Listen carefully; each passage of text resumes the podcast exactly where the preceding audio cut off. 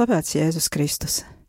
Radio Marija Latvija ēterā skan raidījums vairāk tevis manī, un studijā es, Sandra Preisa. Ar adventa pirmo svētdienu, kuru svinējām vakar, ir sācies jaunais liturģiskais gads. Jeb baznīcas gads, kurā no jauna izdzīvosim Kristus piedzimšanas, ciešanu, nāves un augšām celšanās noslēpumu. Šodien arī lūkšanas un mūzika būs atbilstoši liturģiskiem laikam, bet raidījuma tēma - turpināsim par domāšanu. Turpināsim par domāšanu, domāšanas kļūdām, kā tās atpazīt un nepieļaut, un arī par domāšanas kļūdām un domāšanu vispār mūsu ticības kontekstā. Atgādinu arī kontaktu telefonu ēterā eh, 67 969 131 ja vēlaties uzdot kādu jautājumu raidījuma laikā vai padiskutēt, un vēl tāpat kā jau dažas iepriekšējās reizes mēs iesākām, aicinu pēc raidījuma uzreiz zvanīt, un tad mēs varētu kopā lūgties Jēzus asins litāniju, un lūksimies par baznīcas atzimšanu ne tikai Latvijā, vienkārši par baznīcas, kristīgās baznīcas atzimšanu, jo, kā mēs zinām, ir vajāšanas, ir sekulārisma uzbrukumi, un tāpat lūksimies arī par grēciniekiem, par tiem, kas šķīstītavā, un par tiem, kas ir smagos grēkos un kuriem ir problēmas ar nožēlu un atgriešanos. Bet tagad lūksimies ievadu. Mīļais Tēvs, mēs lūdzam Tevi, svētī šo raidījumu, svētī šo vakaru mums visiem kopā, gan man studijā, gan klausītājiem pie saviem radioaparātiem un datoriem. Svētī mūs un dāvā mums gudrību un saprašanu, ka mēs spētu sadzirdēt to, kas mums ir jāsadzird, un ne tikai sadzirdēt, bet arī lietot, jo tas, ko mēs šobrīd runājam, ir lietošanai, nevis tikai uzklausīšanai. Dieva tēva un dēla un svētā gara vārdā - Āmen.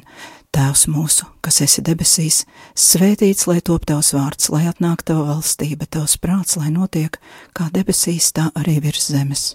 Mūsu dienascho maizi dod mums šodien, un piedod mums mūsu parādus, kā arī mēs piedodam saviem parādniekiem, un neieved mūsu kārdināšanā, bet atpestī mūs no ļaunā. Āmen! ad te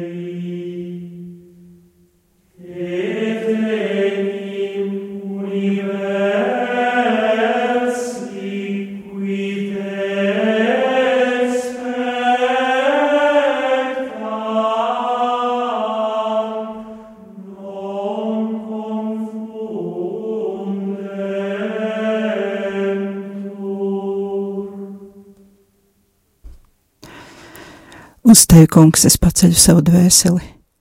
Mans dievs, uz tevi es ceru, nepamet mani kaunā, lai mani ienaidnieki par mani nepriecājas. Tiešām neviens, kas uz tevi gaida, nepaliks kaunā. Kaunā paliek tie, kas viegli prātīgi tevi atstāja. Kungs, dari man zināmus tavus ceļus un māci man tavas takas. Tas ir fragments no 25. psalma, ko arī dzirdējām melodijā, un šī melodija, šī dziesma, 25. psalma, 1.4. pants, ir pirmā adventa ievads, un tādēļ arī šodien mēs to noklausījāmies. Ar šo ievadziesmu sākās svētā mise, un es vēlētos nolasīt arī vakardienas svētdienas evaņģēlīja fragmentu no Svētā Marka evaņģēlīja 13. nodaļas, jo tas arī nedaudz sasaucas ar to, par ko mēs šodien runāsim. Tajā laikā Jēzus sacīja saviem mācekļiem: Skatieties, esiet nomodā, jo jūs nezināt, kad pienāks laiks. Tā kāds cilvēks aizceļodams atstāja savu namu un uzticēja saviem kalpiem rūpes par visu, katram savu nodarbošanos, bet durvju sargam pavēlēja būt nomodā. Tāpēc esiet nomodā, jo jūs nezināt, kad nama kungs atnāks - vakarā vai nakts vidū, vai gaļiem dziedot, vai rīta agrumā, lai viņš negaidīti atnākdams neatrod jūs guļam. Bet ko es jums saku, to saku visiem - esiet nomodā. Tātad Jēzus to nesaka tikai tiem, kas viņu klausījās tajā brīdī, viņš to saka visiem. Un ko tad nozīmē būt nomodā, vai vienkārši negulēt, neiekrist miegā? Mēs taču visi saprotam, ka Jēzus šeit nerunā burtiski par gulēšanu, bet gan ar savu aicinājumu būt nomodā liek mums domāt. Jo ko gan dotu mums nomods, ja mēs to pavadām neapzināti vai pusapzināti, nedomājot par to, ko īsti darām un kādas būs mūsu darbu sekas? Atcerēsimies kaut vai līdzību par gudrajām un stulbajām jaunavām. Visām bija labs nodoms - sagaidīt līgavaini.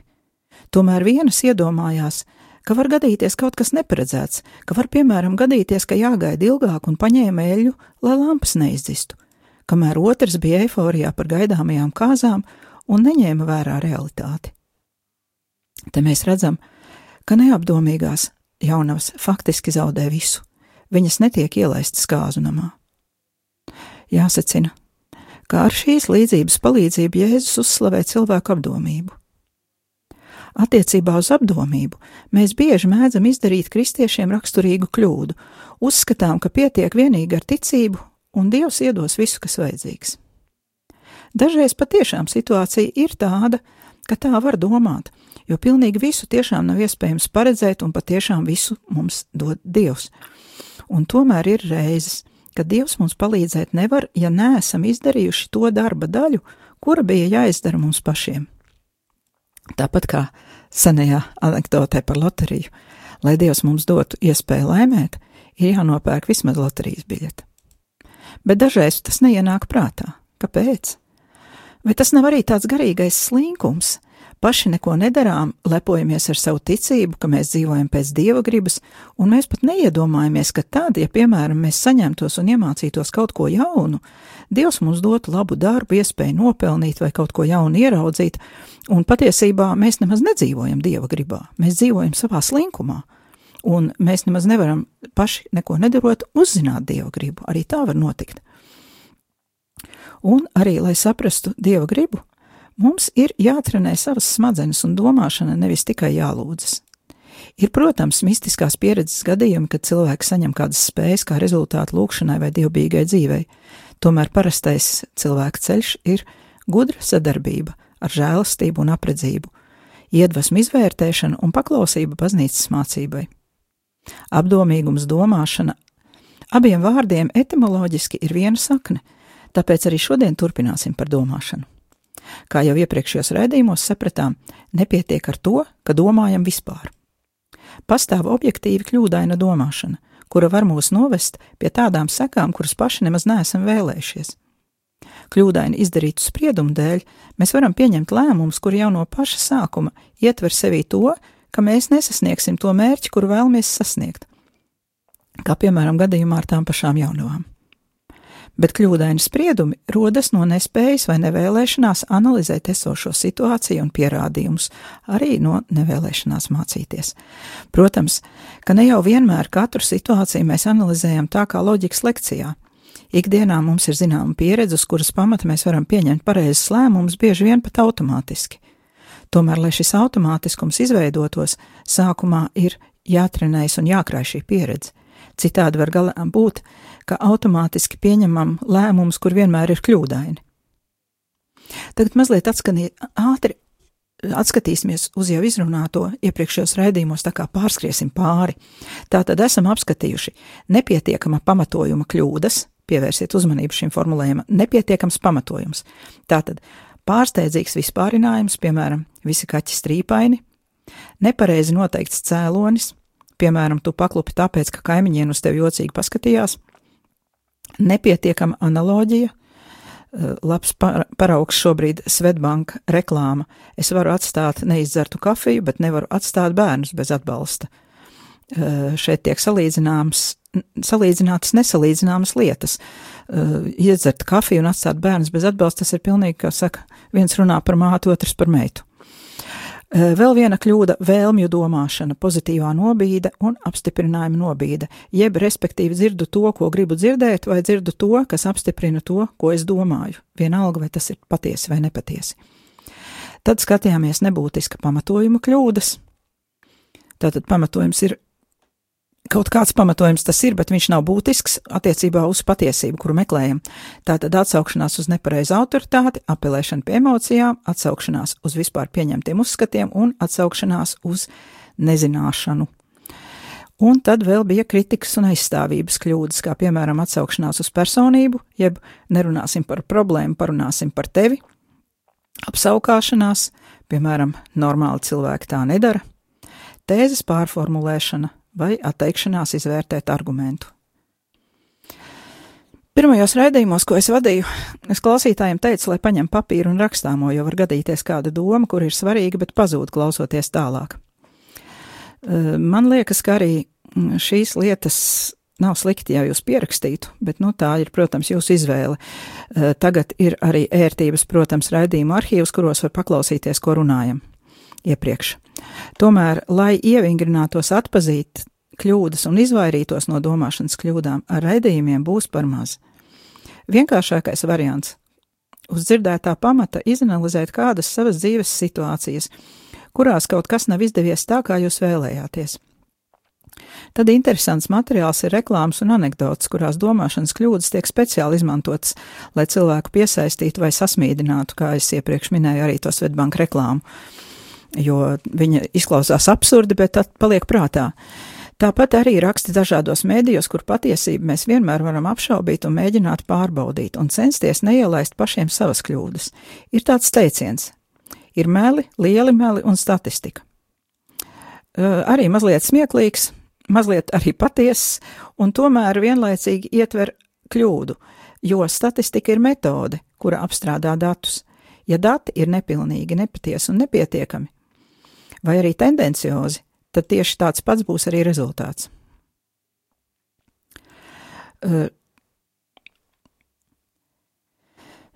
Un paskatīsimies, kā ieradumu domāt mēs varam izmantot savā garīgajā dzīvē, un kā vienu un to pašu var uztvert dažādās vidēs.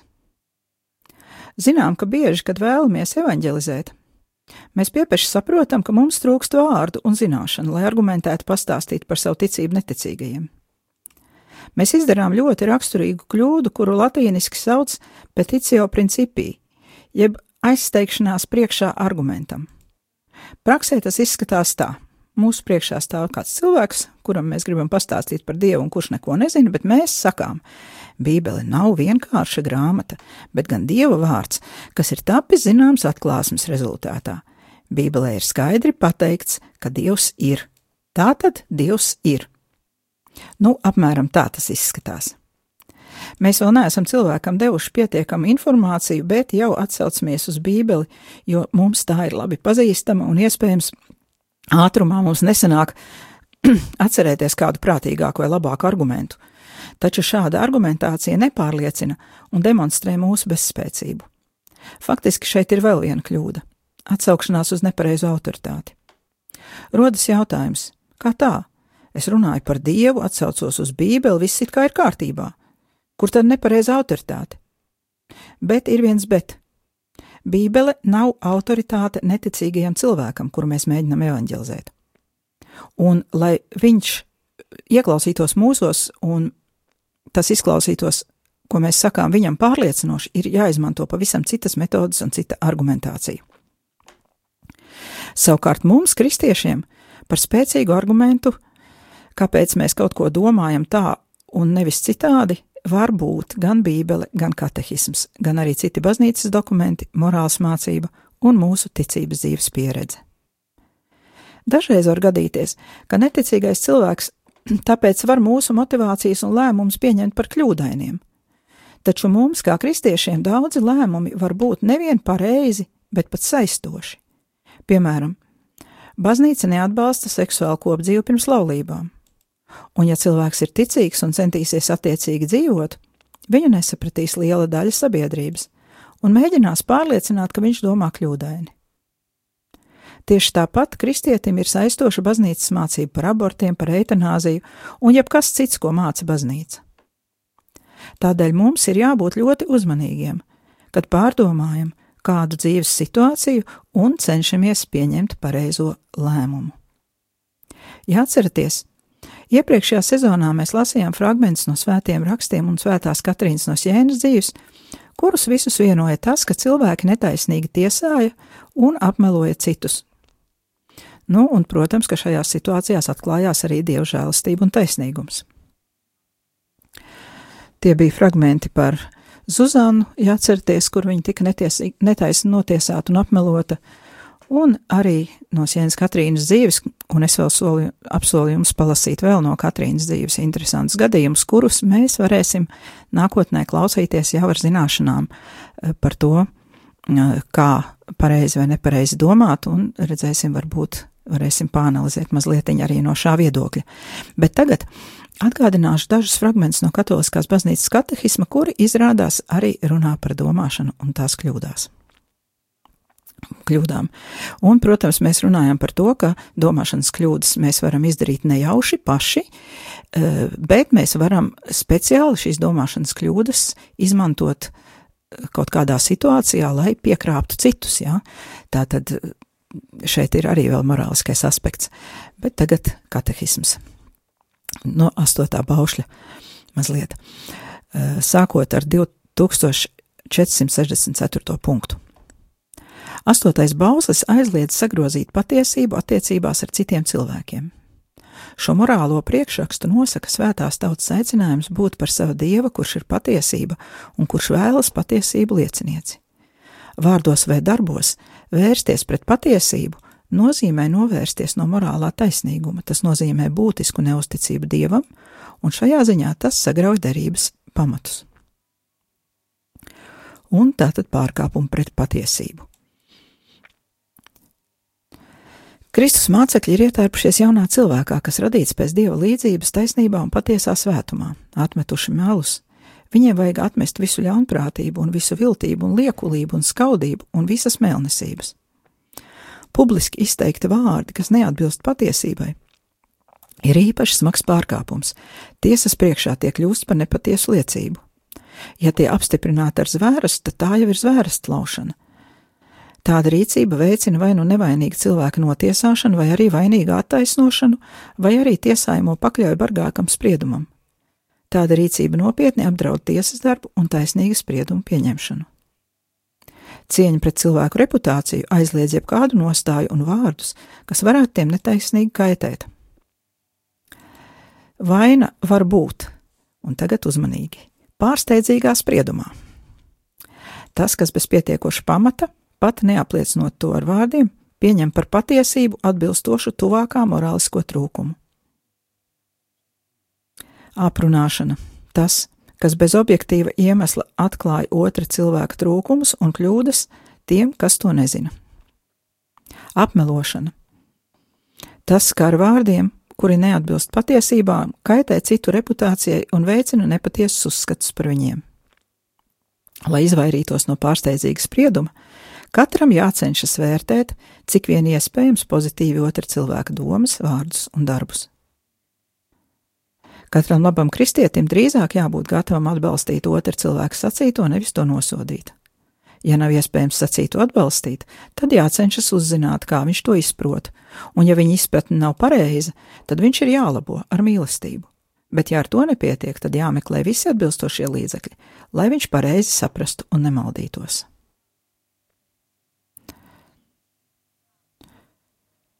Jāizvairās no jebkura vārda vai jebkuras nostājas, kas aiz lišķības un iztapības veicinātu un atbalstītu otru cilvēku ļaunos darbus un netikumīgo rīcību. Vēlme izpalīdzēt vai draudzība neattaisno divkosību savos vārdos. Melošana ir pārkāpums pret patiesīgumu tikumu, tādēļ tā ir īsta varmācība pret otru cilvēku.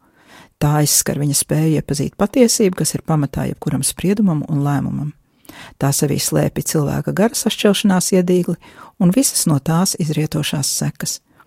Melošana ir postoša jebkurā sabiedrībā, tā grauj uzticības starp cilvēkiem un pārauj sabiedriskās attiecības. Tātad, ko man darīt, ja mans draugs vai pat vairāk uzticami cilvēki man stāsta vienu un to pašu un turklāt ļoti ticami? Dažreiz tiešām ir situācija, kad vesela cilvēku grupa vēršas pret vienu, un tas izklausās pēc patiesības. Ir gadījumi, kad to pielieto kā metodi, kā saliedēt grupu. Jo cīnīties pret kopīgu ienaidnieku, kurš patiesībā nemaz nav ienaidnieks, tas ir kaut kas tāds, kas, nu, ko mēs zinām arī Latvijā, kas arī politiski mūs saliedē, tikai, nu, mēs cīnījāmies varbūt pret reālu ienaidnieku, bet katrā gadījumā eh, šī metode ir tāda ļoti vilinoša, un tā ir pretēja gan morālei, gan arī pareizai, nekļūdīgai domāšanai. Un ko saka pāvests par to? Kāpēc cilvēks samaitājas?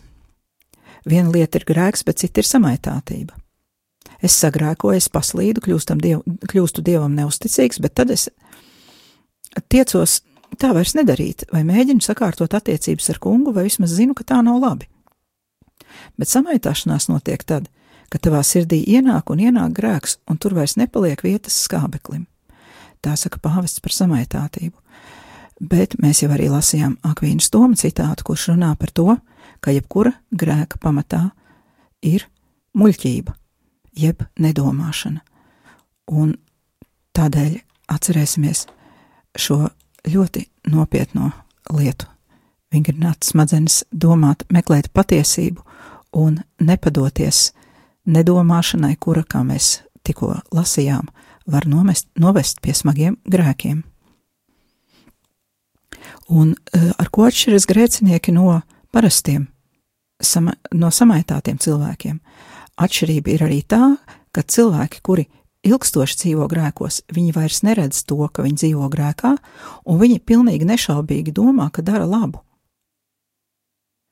Un ko tad mums darīt, ja, piemēram, eh, kāds nāk pie mums ar kaut kādiem nepatiesiem argumentiem, un eh, mums varbūt nav tajā brīdī īstu argumentu, ar ko nostāties viņam pretī.